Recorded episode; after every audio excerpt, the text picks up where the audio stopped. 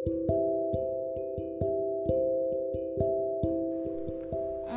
oke, okay, masih semangat. Kalau masih kita lanjut. Kalau enggak ya udah bubar aja. Enggak, enggak, enggak. Ilmu akan menyelesaikan persoalan hidup, sobat.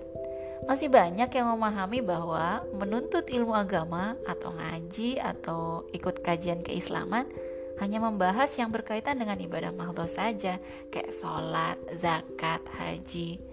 Padahal lebih dari itu, Al-Quran adalah pedoman hidup, penjelas segala sesuatu. Ini yang akan banyak kita bahas dalam kajian ini dan kajian-kajian berikutnya ya.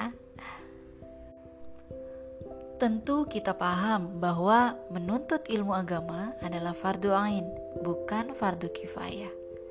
Menurut hadis yang diriwayatkan oleh Ibnu Majah.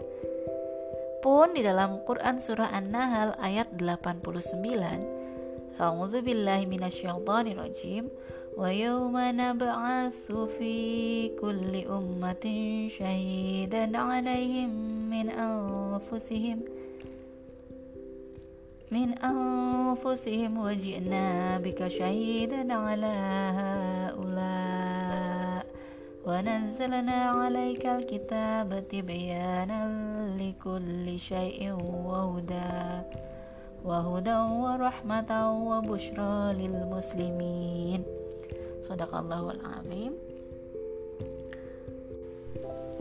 yang artinya dan ingatlah pada hari ketika kami bangkitkan pada setiap umat seorang saksi atas mereka dari mereka sendiri dan kami datangkan engkau Muhammad menjadi saksi atas mereka dan kami turunkan kitab Al-Quran kepadamu untuk menjelaskan segala sesuatu sebagai petunjuk serta rahmat dan kabar gembira bagi orang-orang yang berserah diri.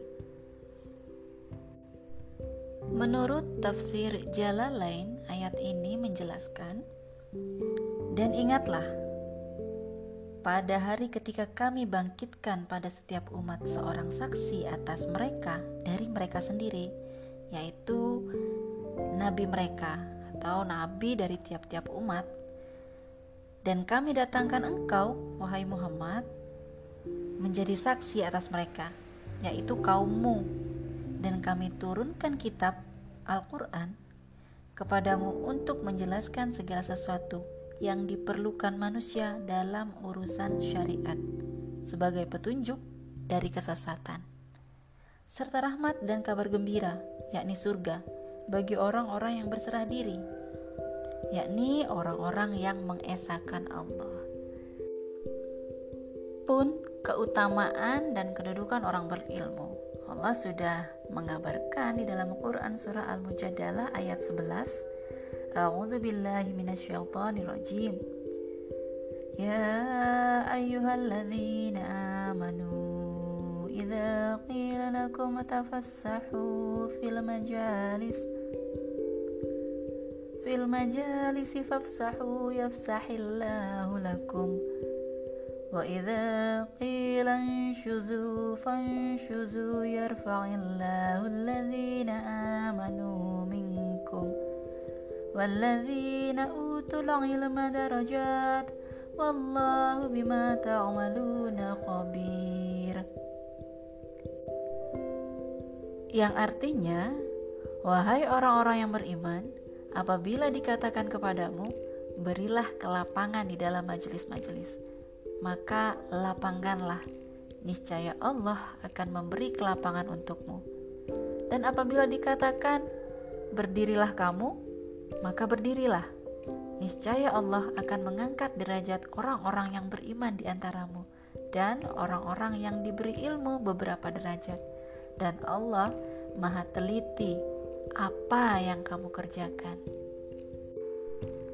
Terus banyak lagi ya hadis-hadis lain yang mengungkapkan tentang pentingnya menuntut ilmu dan juga keutamaan orang-orang yang berilmu. Ini ada beberapa hadis ya. Apabila kamu melewati taman-taman surga, minumlah hingga puas Para sahabat bertanya, "Ya Rasulullah, apa yang dimaksud dengan taman-taman surga itu?" Nabi Shallallahu Alaihi Wasallam menjawab, majelis-majelis taklim. Hadis riwayat At-Tabrani. Kemudian, tidaklah suatu kaum duduk berzikir pada Allah Ta'ala, melainkan mereka dikelilingi para malaikat dan akan dilimpahi rahmat, serta akan diturunkan atas mereka ketenangan. Dan Allah akan menyebut mereka di hadapan malaikatnya. Subhanallah. Hadis riwayat Muslim. Kemudian, hadis yang diriwayatkan oleh Ibnu Majah, "Wahai Abu Dhar, sungguh jika engkau berangkat di waktu pagi lalu belajar satu bab dari ilmu, maka itu lebih baik bagimu daripada sholat seribu rakaat." Tapi bukan berarti enggak sholat ya, karena sudah sibuk menuntut ilmu terus meninggalkan sholat wajib. Tetapi ini menandakan pahala yang akan diraih oleh seseorang yang menuntut ilmu satu babnya itu sama dengan seribu rokaat pahalanya jadi aktivitas menuntut ilmu tidak menggantikan aktivitas sholat gitu ya tetap wajib sholatnya kemudian hadis yang diriwayatkan oleh Imam Muslim jika anak Adam meninggal maka amalnya terputus kecuali dari tiga perkara sedekah jariah, yakni wakaf, ilmu yang bermanfaat, dan anak soleh yang berdoa kepadanya.